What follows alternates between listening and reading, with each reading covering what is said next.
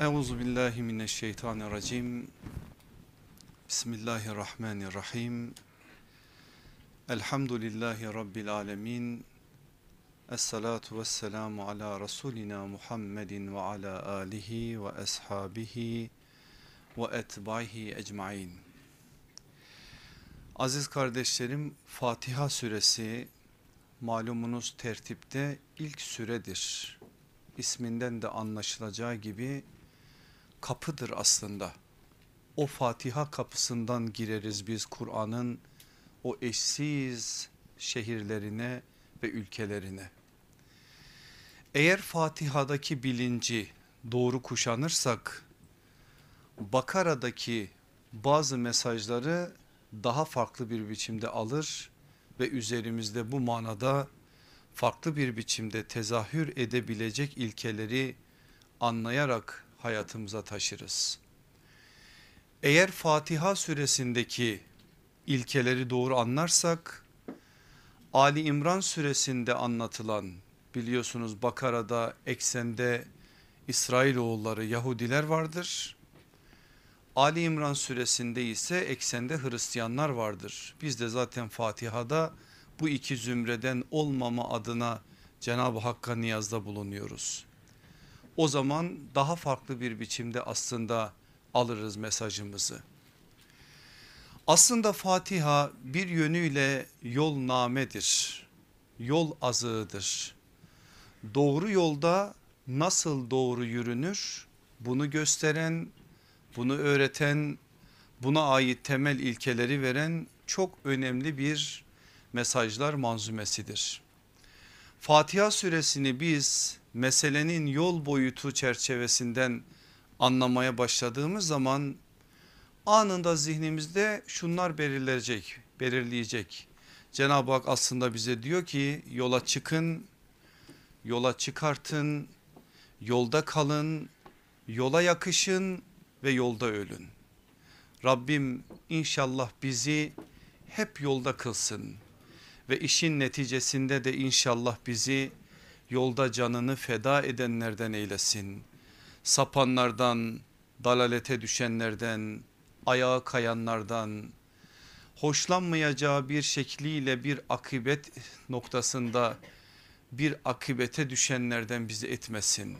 Bu endişe, bu ızdırap hepimizin en öncelikli meselesi olsun ve okuduğumuz her Fatiha da İnşallah böyle bir hayra vesile olsun. Günde en az 40 kez okuruz.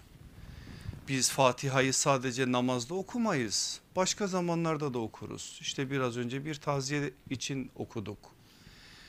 Bir dua olsun diye meclis bereketlensin diye de okuruz.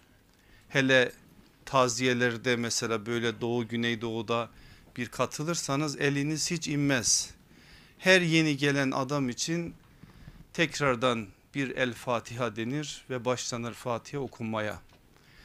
Bir kardeş Trakyalı bir kardeş öyle bir cenazeye şahit oldu benimle beraber. Dedi ki hocam siz zorla milleti cennete sokacaksınız. Bu kadar Fatiha okunursa bu adam kesin gider cennete. Tabi bir latife ama güzel bir şey. Güzel bir gelenek. Sünnetteki yeri nedir ne değil o ayrı bir mesele ama bizim topraklarımızın güzel bir geleneği. Bunun fıkı soruluyor bir hoca efendiye.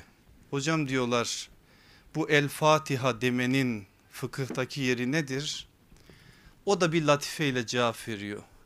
Siz herhalde kaşınıyorsunuz. El Bakara deseydi ne yapacaktınız?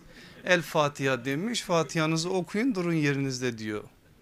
E tabi bunun fıkhi olarak da yeri var aslında yok değil. Yunus suresinin 10. ayetinde onların sözlerinin sonu alemlerin Rabbi olan Allah'a hamd etmektir.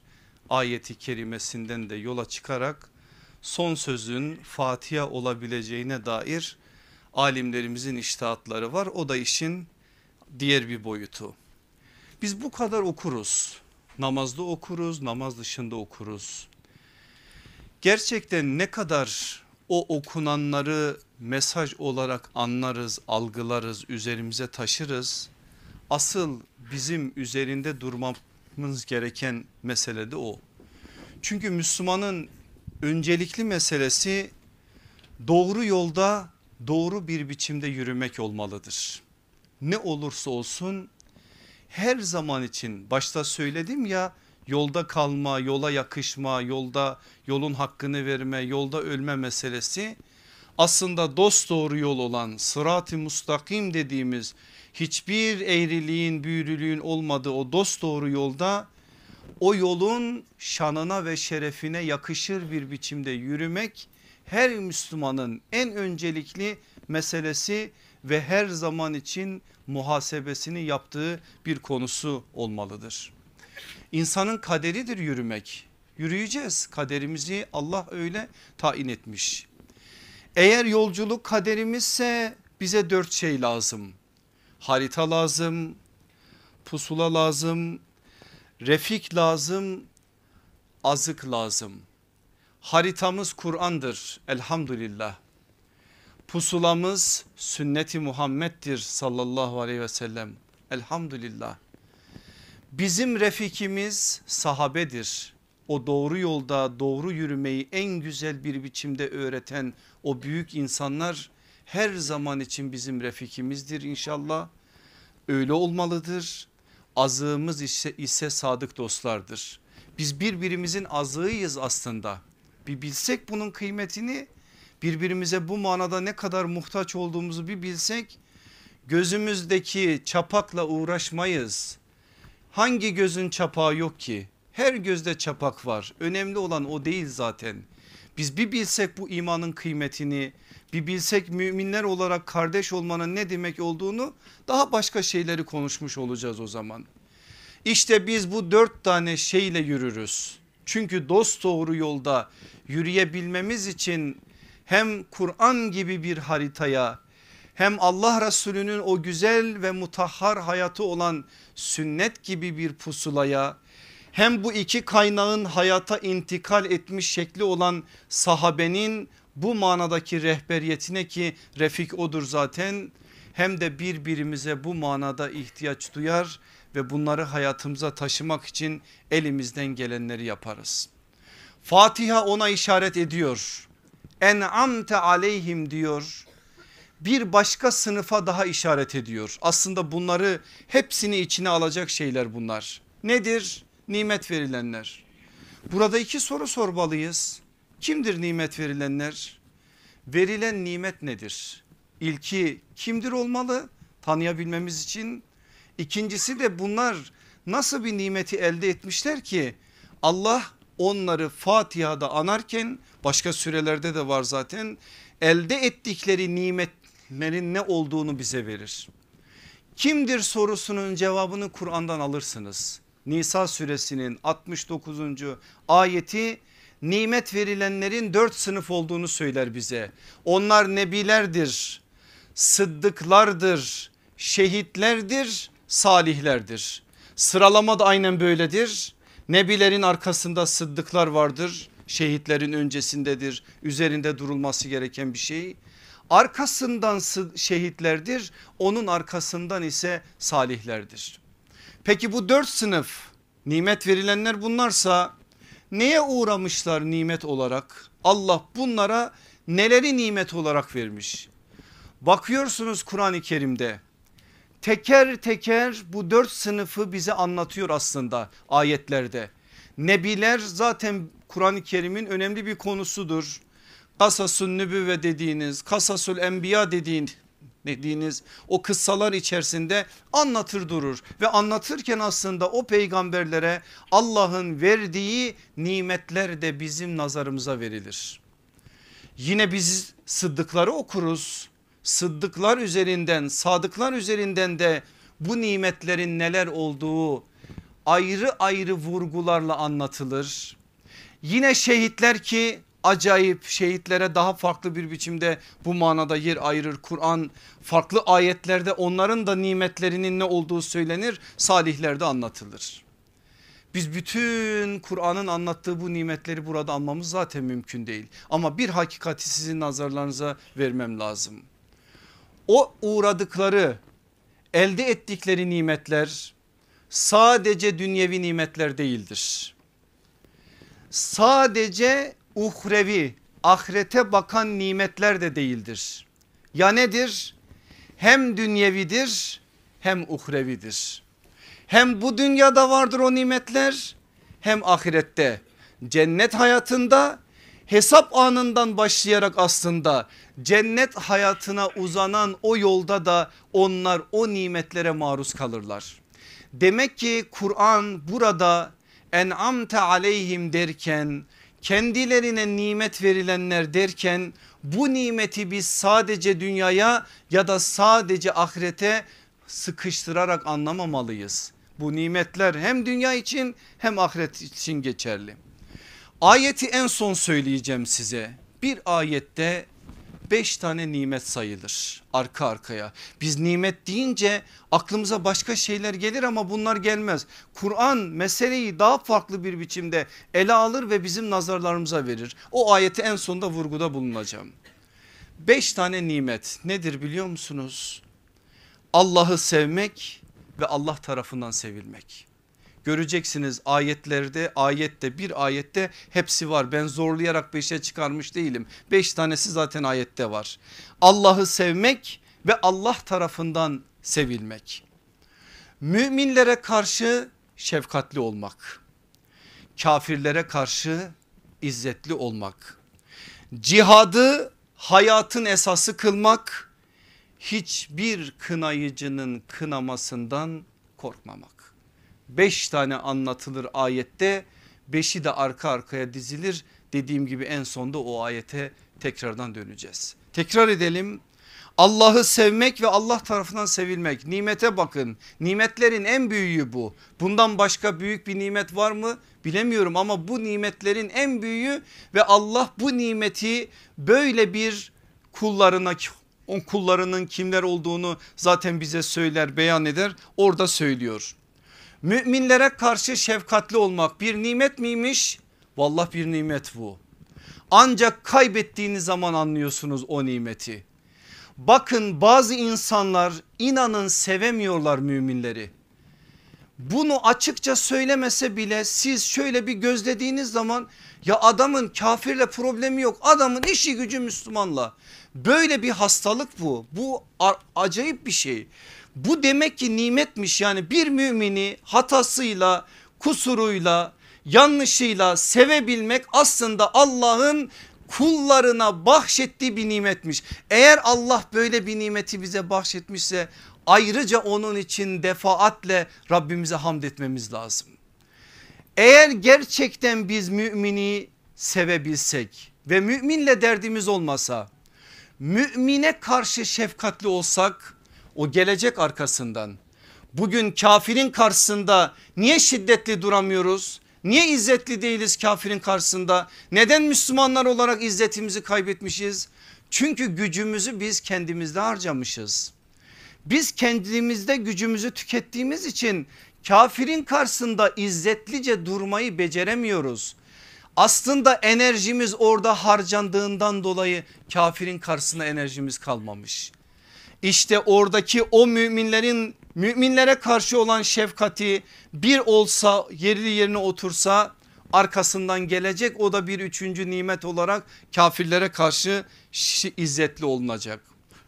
Dördüncüsü cihadı hayatının esası kılmak. Cihatsız bir mümin olmaz olamaz ve bunu hatırlayıp bunun gereğini de yerine getirmek ki cihat derslerini hatırlayın bu kadar yiğitlik yaparsan seni kınayacak çok olacaktır. Onun için beşincisi geldi. Hiçbir kınayıcının kınamasından da korkmamak. Kimseyle bu manada bu manada bir alışverişe girmemek. Bu manada kendi dünyasına farklı bir şey taşımak kolay değil bunlar zor ama nimetler bunlar ve bu nimetleri Rabbimiz bizim nazarımıza veriyor. Bu beş nimet Kur'an'daki dayanağını söyleyeceğiz. Aslında nimet verilenlerin nimet derken neye maruz kaldıklarını nereyi elde ettiklerini bizim nazarımıza verdiği gibi bir şeyi de alttan alta veriyor. Bu nimet verilenler bir dava mensuplarıdırlar. Bu davanın adı isterse İslam davası olsun. İster siz buna iman davası deyin. İster Allah Resulü aleyhissalatü vesselamdan devraldıkları gibi sahabenin dediği gibi din ve risalet davası deyin ki bu daha güzel bence meseleyi biraz daha anlamamız açısından önemli. Risalet davası deyin her davanın kendine özgü bir ahlakı ilkeleri olduğu gibi bu davanın da var. Basit dünyevi bir ideolojinin bile kendine göre ilkeleri olur da Risalet davası dediğimiz ilahi kelmetullahı en önemli hedef olarak kendine belirleyen bir dava ilkesiz olur mu? O ilkeyi Allah peygamberine, peygamberi ümmetine, özelde de sahabiye öğretmez mi? Meseleye bu çerçeveden bakarsanız görüyorsunuz. Aleyhissalatü vesselam Efendimiz beş tane risalet davasının ilkesini hayatıyla gösteriyor. Sözlü yok hayatıyla var hayatına ait de bazı şeyleri şimdi söyleyeceğim. Nedir bu üç, beş dava beş tane temel ilke birincisi rüya göreceksin hedef belirleyeceksin. İkincisi o hedefe ulaşabilmek için üç damlayı akıtacaksın. Üçüncüsü arkana asla bakmayacaksın. Dördüncüsü karşılık beklemeyeceksin. Beşincisi neticeyi Allah'a bırakacaksın. Bakın Siyer-i Nebiye hadis-i şeriflere sahabenin hayatlarını bize aktaran tabakat kitaplarına bunu göreceksiniz. Ben de oradan zaten çıkardım. Sadece aleyhissalatü vesselam efendimizin hayatının üzerinden şimdi bazı mesajlar vereceğim size. Bir daha hatırlayalım önemli. Niye hatırlayalım? Dava ahlakını öğrenmek zorundayız. Herkesin şu modern dünyanın rüzgarlarına kapılıp davalarını ilkelerini terk ettikleri bir yerde bir avuç Müslüman dava ilahi kelmetullah davasıdır deyip yeniden meydana çıkmaları için hatırlamalıyız. Herkesin farklı bir biçimde sindiği, korktuğu, dünyevi endişelere kapılıp dünyevileştiği, duyarsızlaştığı, her geçen gün değersizleştirdiği değerlerine karşı ümmet içinde ümmet bir avuç o maya topluluk hayır biz rüzgara kapılmayacağız. Bizim davamız var Allah Resulü aleyhissalatü vesselamın sahabeye emanet ettiği o sancak biz layık olmasak da bugün bizim elimizde. Biz o temsiliyet makamının hakkını yerine getirmeliyiz ızdırabıyla öğrenmek durumundayız. Bundan başka bir yol yok. Biz öğrenmezsek ne olacağını ayet söyleyecek en sonda. Öğrenmezsen öğrenme bu dava kimseye muhtaç değil. Ama öğrenmezsen ne kaybedersin ayet bize söyleyecek en sonda. İşte onun için biz bu konuyu bugün konuşuyoruz. Allah Resulü aleyhissalatü vesselamın rehberliğinde örnekliliğinde bu meseleyi anlamaya çalışıyoruz. Rüya göreceksiniz dedik en baştaki madde oydu. Hedef belirleyeceksin birinci ilke o. Bakalım Siyer-i Nebiye ne diyor Ayşe anamız 35 yaşından itibaren sallallahu aleyhi ve sellem efendimizin hayatında bir gariplik var sosyal olan o hayatı birden yalnızlığı seven bir hale geliyor. Yavaş yavaş rüyalar görüyor. Hatta Bukhari'de geçen hadiste 6 ay nübüvvetten önce bugün gece gördüğünü yarın yaşayacak kadar açık net rüyalar görüyor. Rüyalar görüyor sallallahu aleyhi ve sellem ve o rüyalar hedeflerini belirliyor. 35 yaşından itibaren aslında Efendimizin yüreğinde oluşan şey bir varlık sancısıdır. Bakıyor Mekke'nin o putlarına toplumun o haline bakıyor oradan Kabe'ye bakıyor. Atası İbrahim'in tevhid üzere doğrulttuğu o Kabe'nin nelere mahkum olduğuna bakıyor ve o sancıyı yüreğinde taşıyor. O sancı bir kutlu doğuma sebep olacak ve bir Kadir gecesinde Cibril-i Emin Muhammedül Emine vahyin ilk ayetlerini getirecek. Biliyorsunuz olayları detayına girmeye gerek yok.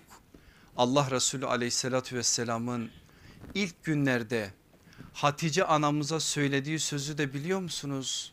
Hatice'm artık uyku vakti bitti.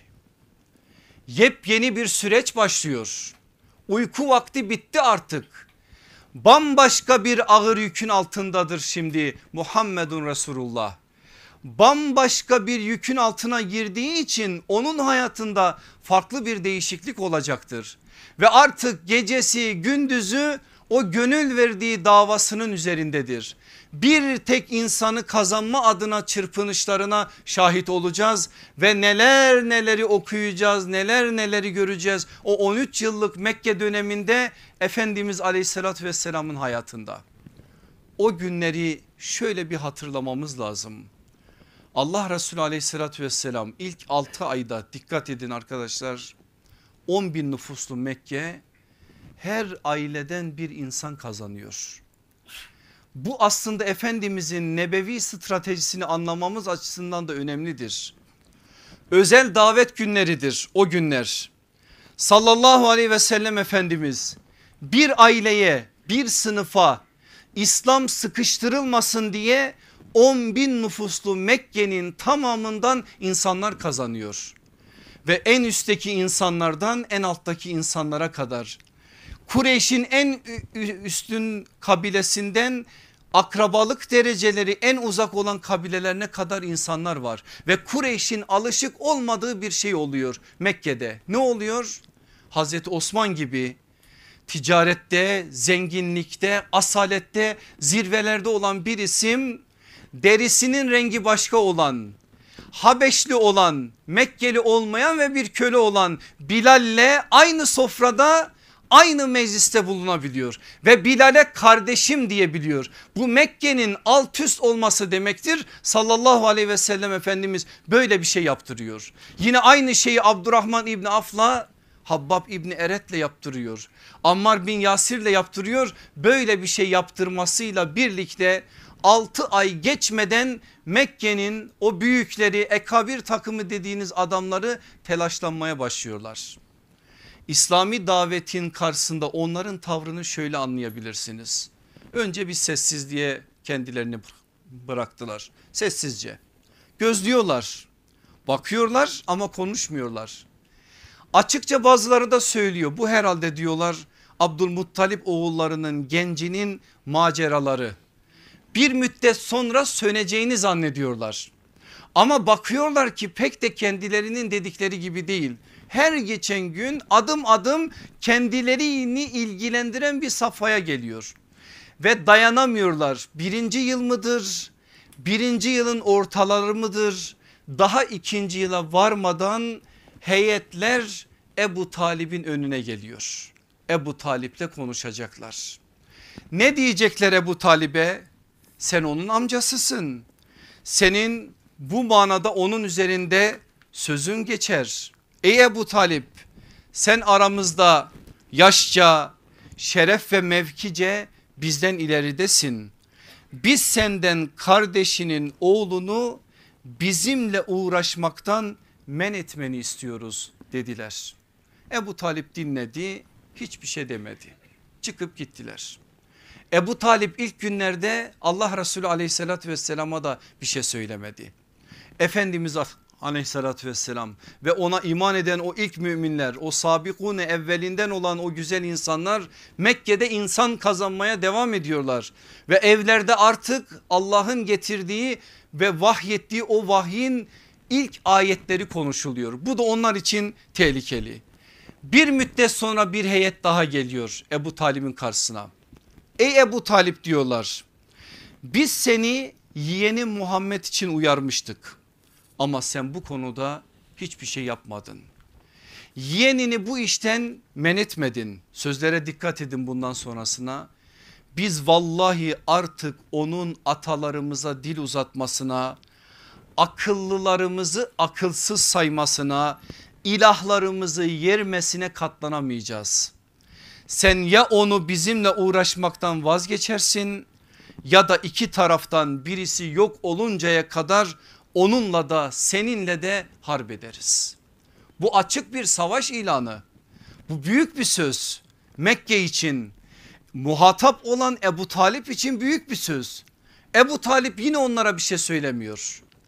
Düşünüyor acaba yeğenime söylesem mi söylemesem mi diye. Ve artık o toplumsal baskının altında ezildiği bir anda Allah Resulü aleyhissalatü vesselamı çağırıyor huzuruna ve Ebu Talip amca olarak yeğeniyle konuşuyor.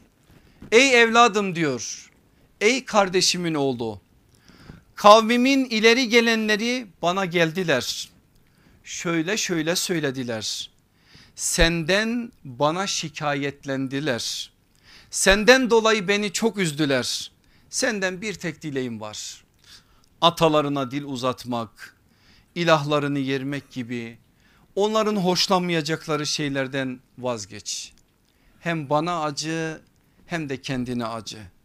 Güç yetiremeyeceğim altından kalkamayacağım bir işi bana yükleme. Allah Resulü aleyhissalatü vesselam kaç yıl Ebu Talib'in yanında kalmış biliyorsunuz değil mi?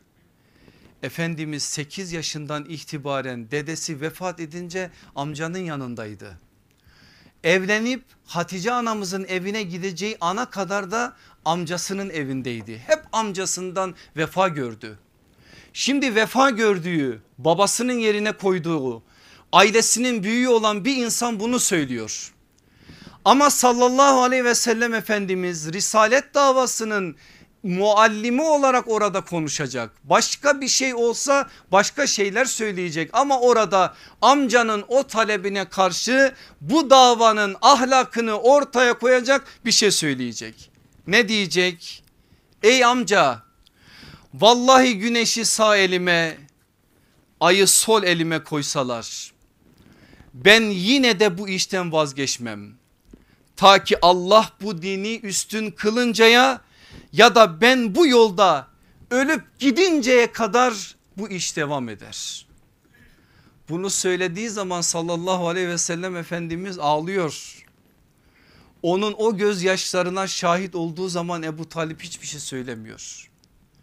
Ve diyor ki git ben de senin arkandayım diyor. Ama Efendimizin o sözleri söylemesi ki siz bunu siyerin içerisinde çok duydunuz. İlk duyduğunuz bir şey değil o ilk duymadığınız ama bugün bir kez daha benden duyduğunuz şeyi ben tam olarak anladığımız kanaatinde değilim.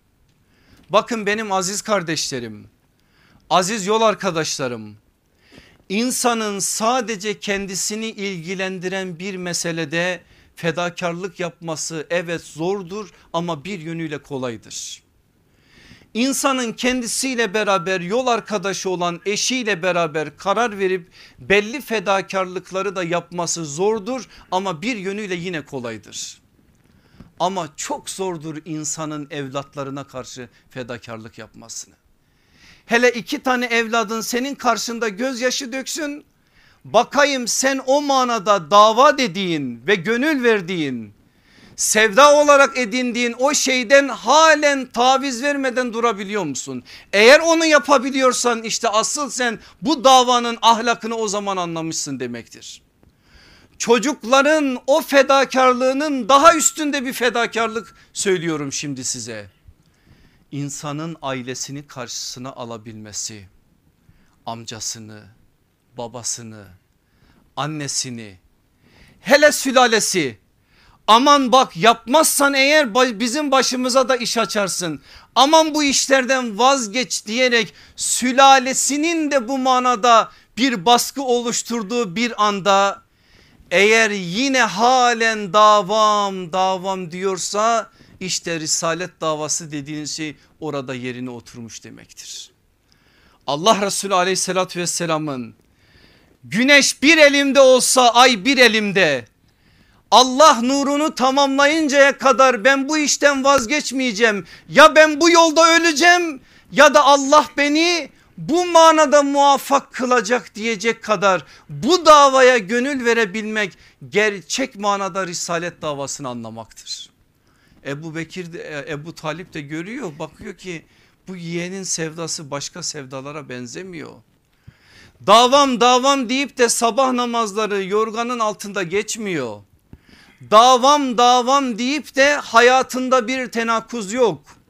Bugün dava dava dedi yarın bir ticarette başka bir şey Ebu Talib'in kulağına geldi. Bugün dava dava dedi ama gitti onunla bununla başka işlere girdi. Böyle şeyler yok olmadığı için Ebu Talip güven duyuyor. Karşısında bir hayat var ve o hayat zaten her şeyiyle Muhammedul Emin diyor onu tasdikliyor. O da onu bilerek karşısındaki yeğeninin o sözlerini bu davanın temel ilkelerinden kaynaklandığını bunun gençlikten bunun hevesten bunun başka bir şeyden değil gerçekten bu davadan kaynaklandığını fark ediyor. Ebu Talip bir şey söylemedi. Çıktı gitti Allah Resulü aleyhissalatü vesselam. Devam etti işlerine.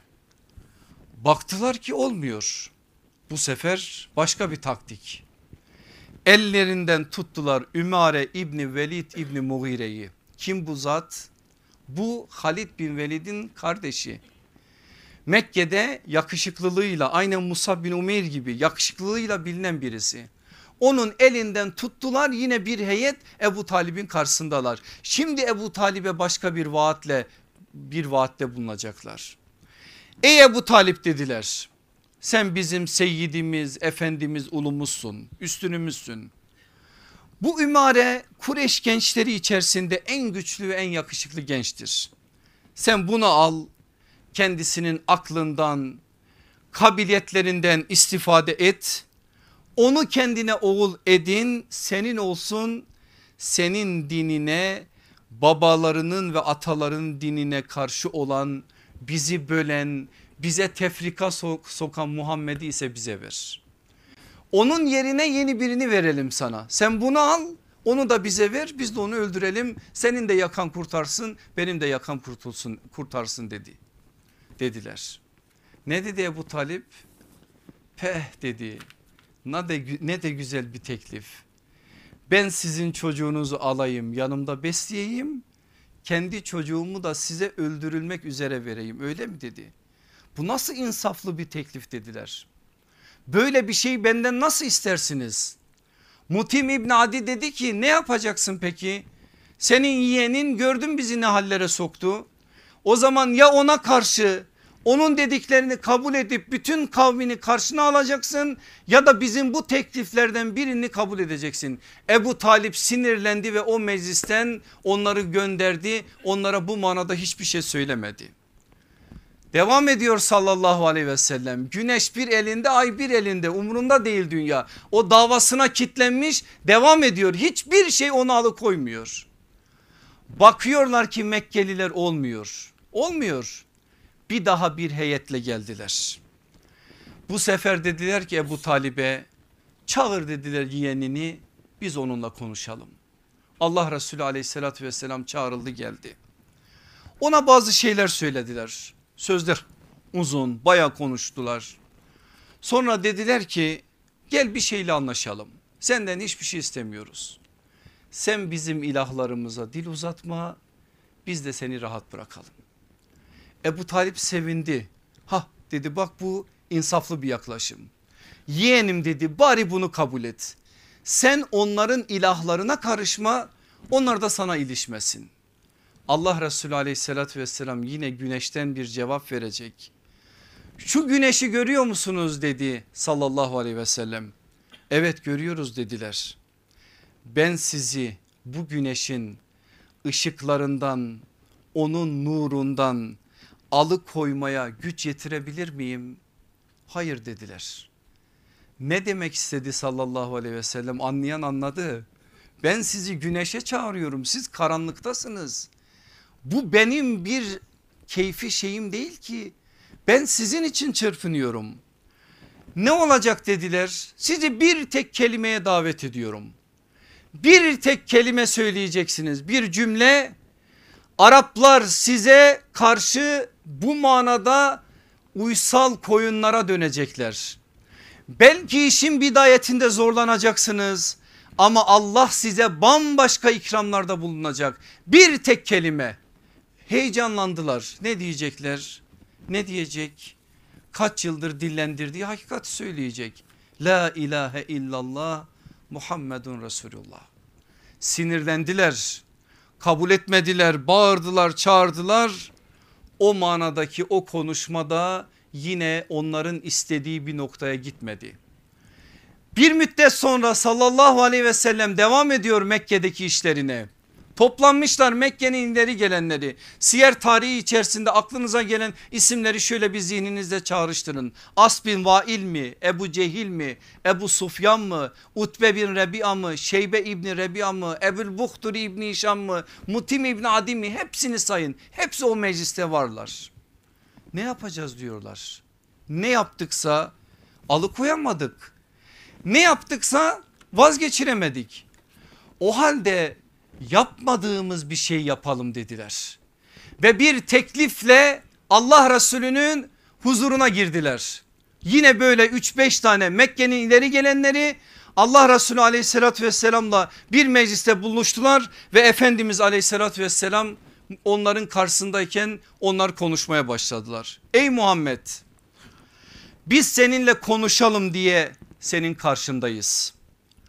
Biz vallahi Araplardan senin kavminin başını derde soktuğun gibi kavminin başını derde sokan bir adam daha bulunabileceğini sanmıyoruz. Başımıza bir sürü iş açtın onu demek istiyorlar. Sen babalarımıza ve atalarımıza dil uzattın. Dinimizi ayıpladın. İlahlarımıza dil uzattın. Akıllarımızı akılsızlıkla beyinsizlikle suçladın. Birliği böldün dağıttın. Aramızda yapmadığın başımıza getirmediğin kötü iş kalmadı. Sayıyorlar saydılar saydılar saydılar. Efendimiz dinliyor onlar konuşuyor Allah Resulü dinliyor. Şimdi birisi konuşuyor. Söyle siz sen bizden ne istiyorsun? Eğer istediğin malsa işte Mekke'nin temsilcileri olarak biz buradayız. Sana vaat ediyoruz gideceğiz herkes kendi malından bir pay ayıracak sana ve seni kendi içimizde en zengin adam haline getireceğiz. Eğer istediğin kadınsa hangisini işaret edersen Mekke'nin hatta Mekke'nin dışındaki kadınları sana vereceğiz. Eğer istediğin hükümranlıksa seni biz kendi başımıza hükümran olarak melik olarak atayacağız ve hepimiz sana bu konuda teslim olacağız. Eğer istediğin bize seyit olmaksa efendi olmaksa seni bu manada efendi kılacağız. Senin söylediğin her söz bizim için bundan sonra hüccet olacak delil olacak. Ey Muhammed eğer sana cinler musallat olmuşsa senin başka bir hastalığın varsa seni diyar diyar gezdireceğiz en iyi doktorlara götüreceğiz ve seni tedavi edeceğiz.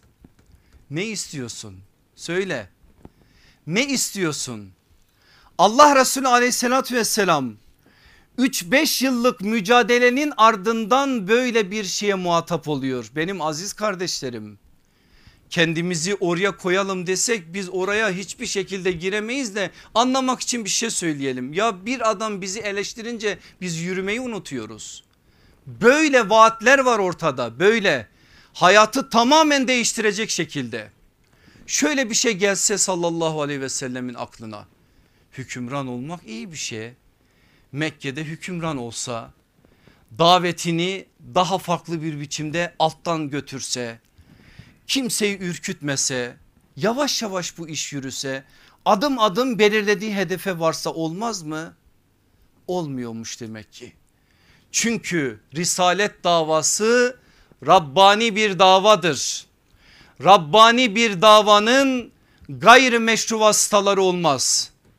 Rabbani bir dava nebevi vasıtalarla yürür.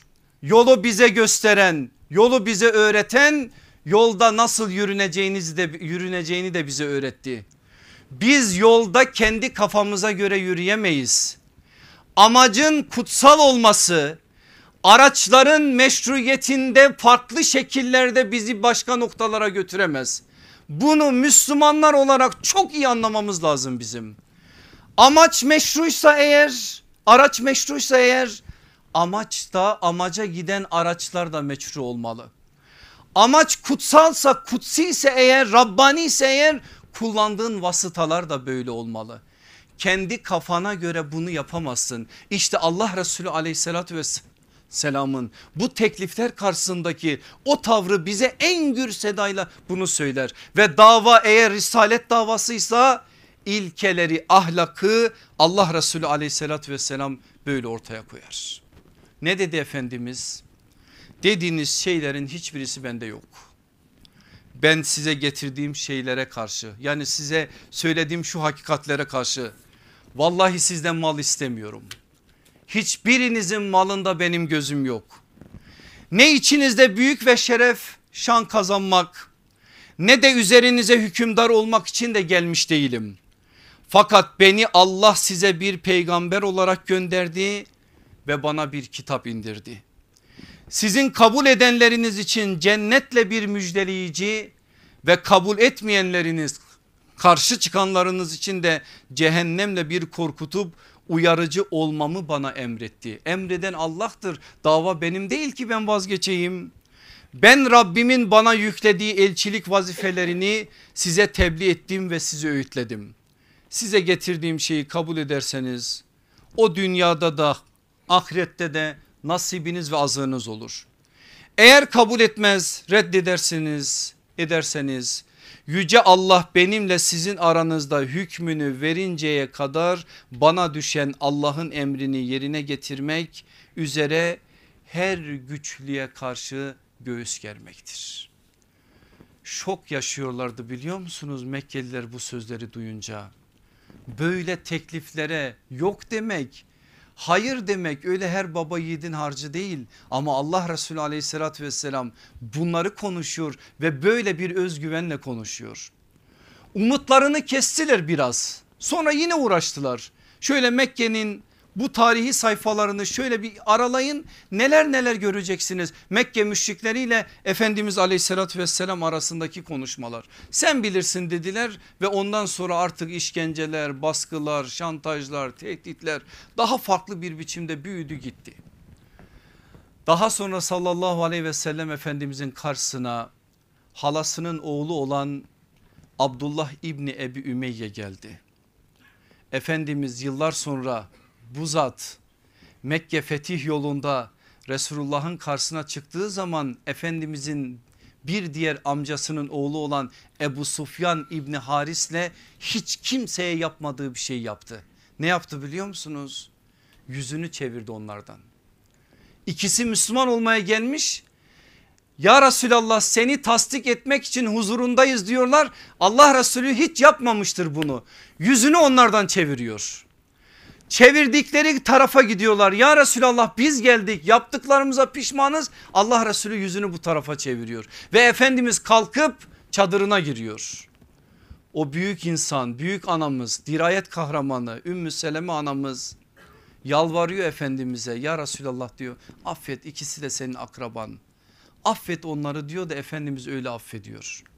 Niye biliyor musunuz o Allah Resulü aleyhissalatü vesselama o tavrı orada yaptıran şey niyedir biliyor musunuz? Çok zoruna gitmiştir Abdullah İbni Ebi Ümeyye'nin ve Ebu Sufyan İbni Haris'in yaptıkları. Can ciğer bunlar hem de akraba ama yüz çevirmişler yetmemiş bir de Efendimizin aleyhinde olmuşlar. Bakın nasıl aleyhinde olmuş geliyor aleyhissalatü vesselamın huzuruna. Ey Muhammed diyor biz akrabayız onlar başka şeyler söyledi ama ben sana daha başka şeyler söylerim ben senin Allah tarafından gönderilmiş peygamber olduğuna inanmıyorum. Vallahi göğü yarsan aşağıya bir merdiven sarkıtsan beni de kendini de o merdivenle beraber semalara çıkarsan ben yine de senin peygamber olduğuna inanmıyorum. Bunu halasının oğlu söylüyor. Ne kadar sallallahu aleyhi ve sellem için acı bir şey buradan anlayın. Ama buna rağmen sarsılmıyor Efendimiz aleyhissalatü vesselam. Asla sarsılma yok. Mekke'deki her hali böyle. Hicret yollarındaki halini biliyorsunuz. Bedre yürürken 313 kişiyle defaatle size anlattığım için biliyorsunuz. Efendimiz nasıl o davaya gönül vermiş birisi olarak yürüyor. Allah aşkına gelin de şunu anlayın. Bin kişiyle Uhud'a yola çıkacak. Yolun bir tarafında İbni Selül Abdullah İbni Übey İbni Selül münafıkların lideri 300 insanı kandıracak geri göndere götürecek Bir anda ordunun üçte biri çözülmüş bir halde ama Efendimiz aleyhissalatü vesselam arkaya bakmadan yürümenin risalet davasının en temel ilkesi olduğunu bilen öğrenen biri olarak yoluna devam edecek. 300 tane adam gidecek yine yola revan olacak. Hendek gazvesinde neler çektiklerini biliyorsunuz. Hele bir hadise var ki orada sarsılmadan durmak mümkün değil. Kerime zevcesi anamız başımızın tacı Ayşe anamıza iftira atılacak. İfk hadisesi diye Kur'an'a giren ve 26 tane ayetin nazil olmasına sebep olan o hadisede de aleyhissalatü vesselam Efendimiz sarsılmadan duracak. Ne kazanacaklarına takılacak ne kaybedeceklerine. Ne başarı hesapları yapacak ne başarısız hesapları. Bu dava Allah'ın davasıdır. Allah'ın davası Allah'ın istediği gibi olur. Allah'ın davası Allah bizden neyi bekliyorsa o manada ortaya güzellikler koymak suretiyle olur bilinciyle 23 yıl boyunca bilafasıla bir an bir ara boşluk vermeden bir an farklı bir manzaraya kapı açmadan devam ettiriyor. Ve böyle yaparak kıyamete kadar gelecek olan bütün risalet davası mensuplarına söyleyeceğini söylüyor. Allah hepimizi duyanlardan eylesin inşallah. Aziz kardeşlerim söyleyeceğim ayete getireyim sözümü. Bilmem ayeti fark edeniniz oldu mu içinden içinizden. Maide suresi 54. ayet. Başta size saydığım 5 tane temel ilkeyi Kur'an burada nazarımıza veriyor. Arka arkaya şimdi beraberce ayeti okuyacağız. Ya eyyühellezine amenu. Ey iman edenler. Men yertedde minkum an dinihi sizden kim dininden dönerse siz buradan dinden dönmeyi Müslümanlığı terk edip başka bir dine girmek olarak görmeyin. Bakın tefsirlere göreceksiniz. Sorumlulukların terki de böyledir. Davayı satmak da böyledir. Yarı yollarda kalmak da böyledir. Öyle söylüyor müfessirlerimiz ki zaten arkasından biz bunu anlıyoruz. Sizden kim dininden ve davasından dönerse bilsin ki fesevfe ye'tillahu bi kavmin. Allah onların yerine başka bir topluluk getirir. Allah kimseye muhtaç değil. O Es-Samet mi? Es-Samet. Bitti. Herkes ona muhtaç. Her şey ona muhtaç ama o hiç kimseye muhtaç değil. Dolayısıyla biz bu davaya muhtacız. Dava bize muhtaç değil. Biz bu davaya sarıldığımız sürece adam olacağız. Şeref kazanacağız. Terk ettiğimiz sürece de Allah muhafaza şerefimizi de haysiyetimizi de namusumuzu da şu toprakları da kaybedeceğiz. İşte onun için burada böyle bir vurgu geliyor. Allah onların yerine başka bir kavim başka bir topluluk getirir. Bu topluluğun en temel özelliği ne? Yuhibbuhum ve yuhibbunehu. Onlar Allah'ı severler. Allah da onları sever. En başta ilke neymiş? Buymuş. Onlar Allah'ı severler. Allah da onları severler. Ezilletin alel müminin. Onlar müminlere karşı şefkatlidir.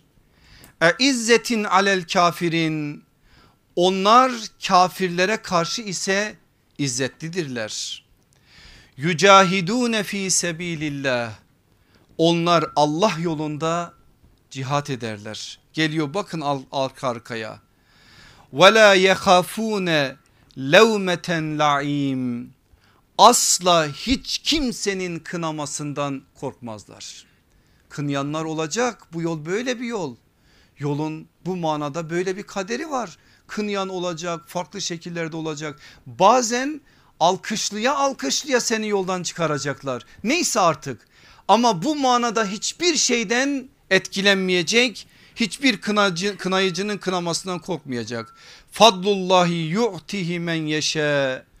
Bu Allah'ın dilediğine verdiği lütuf ve büyük bir nimettir. Nimet verilenler bu zaten. Vallahu vasiun alim. Allah'ın lütfu ve ilmi çok geniştir. Cenab-ı Hak şu ayetin içerisine giren müminlerden etsin bizleri. Eğer olursak ne olur biliyor musunuz? Arkasındaki ayetten okuyoruz. Sizin dostunuz veliniz ancak Allah'tır Resulüdür iman edenlerdir. Onlar ki Allah'ın emirlerine boyun eğerek namazı kılar zekatı verirler. Kim Allah'ı ve Resulünü ve iman edenleri dost edinirse bilsin ki üstün gelecek olanlar şüphesiz Allah'ın taraftarı olanlardır. Hizbullah olanlardır. Allah'ın hizbinden olanlardır. Üstün gelecek olanlar onlardır. Onlardan başka hiç kimseye üstünlük yoktur. Bunu böyle anlayın. Ve bu üstünlüğü elde etmenin yolunun önceki ayetlerden geçtiğini de hiçbir zaman unutmayın. Ya biz bu davayla var olacağız. İman bizi adam edecek, şeref kazandıracak ve biz bunu temsiliyet adına bir şeyler yaparak belli noktalara geleceğiz. Ya da ister zorumuza gitsin ister gitmesin yok olup gideceğiz. Allah o izzeti koruyanlardan bizi kılsın. Mezillete mahkum olanlardan etmesin inşallah. Eğer yorulmadıysanız bu söylediklerimin hepsini içine alabilecek size bir dava adamının mektubunu okumak istiyorum. Kimdir? En sonda söyleyeyim ismini. Bazen isimleri başta söyleyince isimler mesajın alınmasına gölge oluyor. Siz sadece söylenenlere bakın isimle pek işiniz olmasın. Birisi bir dava adamına dava adamı nasıl olur? Risalet davasına nasıl gönül verilir? Onu ortaya koyma adına bu mektubu yazıyor.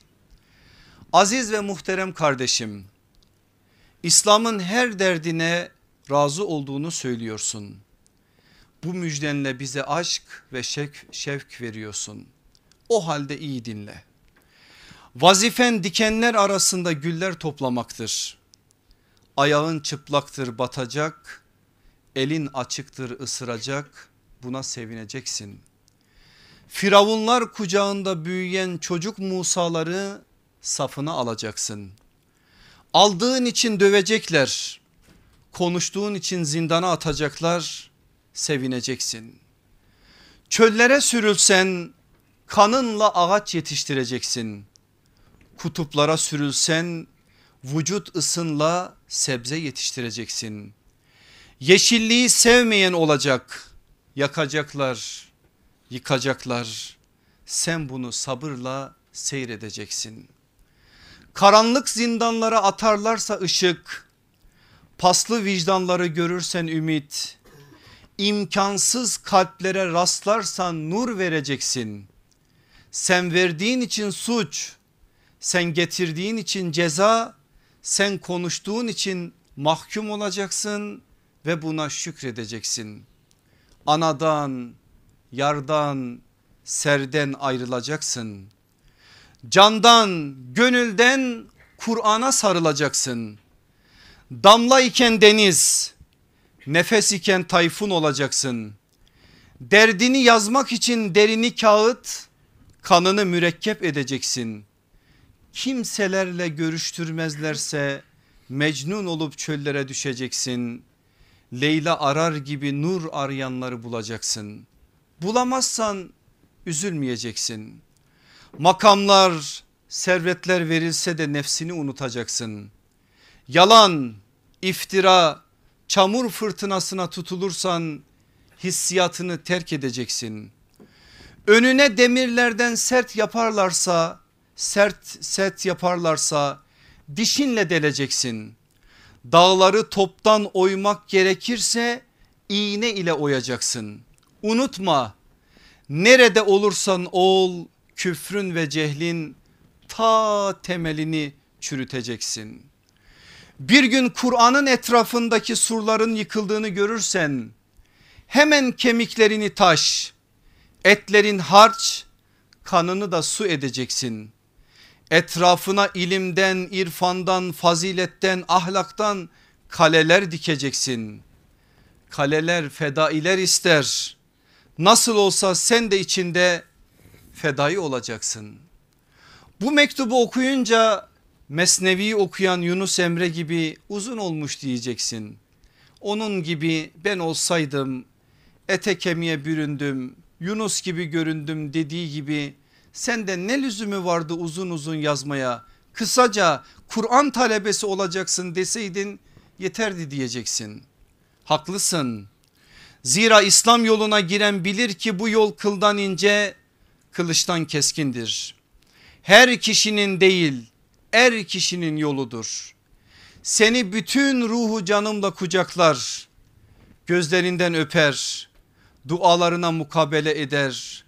Allah'ın rızası dairesinde buluşmak üzere mektubuma son verirken dalalete düşen din kardeşlerimin kısa bir zamanda sizin gibi hidayete ermelerini Cenabı vacibül vücut olan Hazreti Allah'tan niyaz ederim.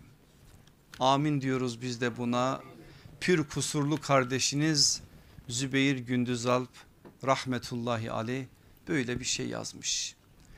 Dava adamı ne demek? Nasıl olur? Neleri önceller?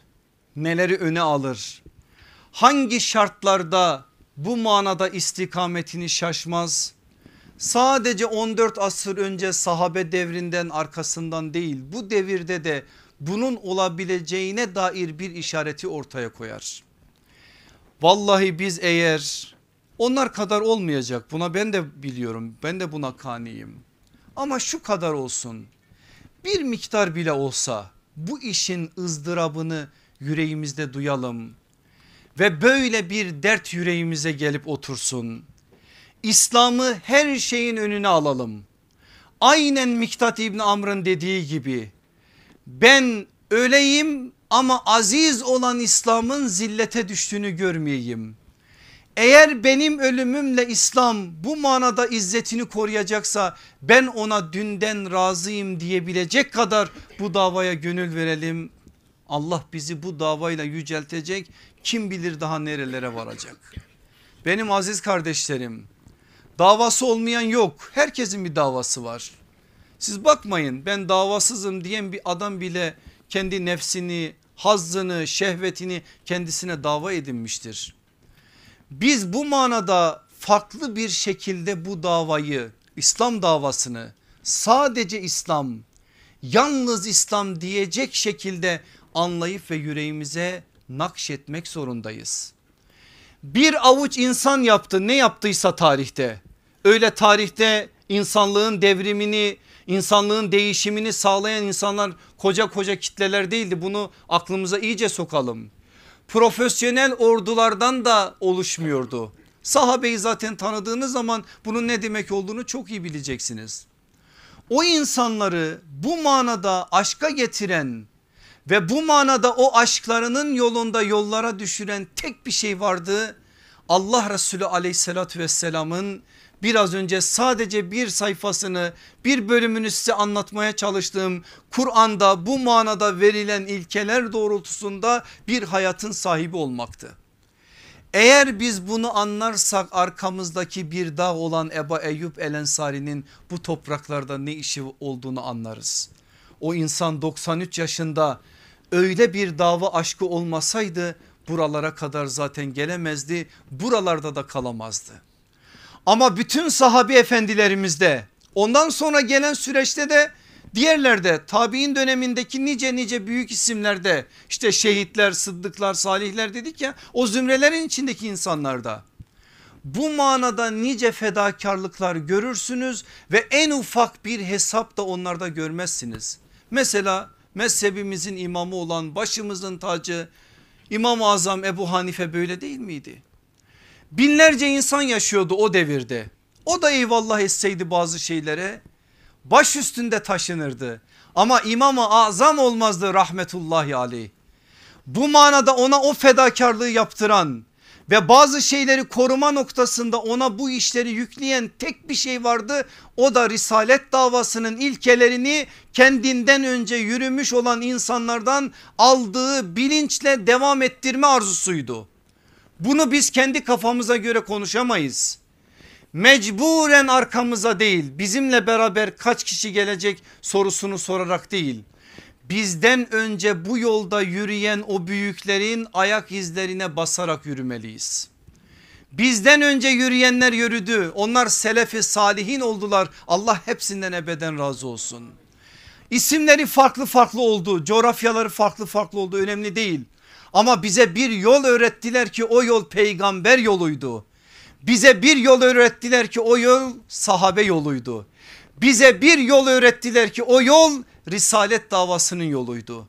Bize bir yol öğrettiler ki o yol nimet verilenlerin dost doğru yürüdüğü yoldu. Ya o yolda yürüyeceğiz, o yolun hakkını vereceğiz, o yola yakışacağız ya da ayet söylüyor. Allah bizi gönderecek, yerine bu işi taşıyacak yepyeni bir nesil getirecek.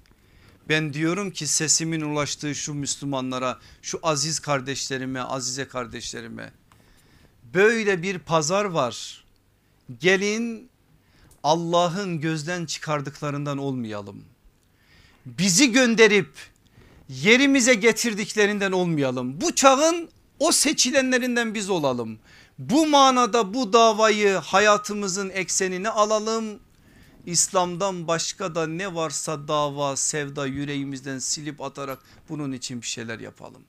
Allah en başta beni sonra da sizi bu söylediklerim çerçevesinde bir dava adamı kıvamına getirsin ve gerçek manada bu davanın temsiliyetini hakkını verme adına bizleri bir an olsun sahipsiz bırakmasın ayaklarımızı kaydırmasın. Velhamdülillahi Rabbil Alemin El Fatiha.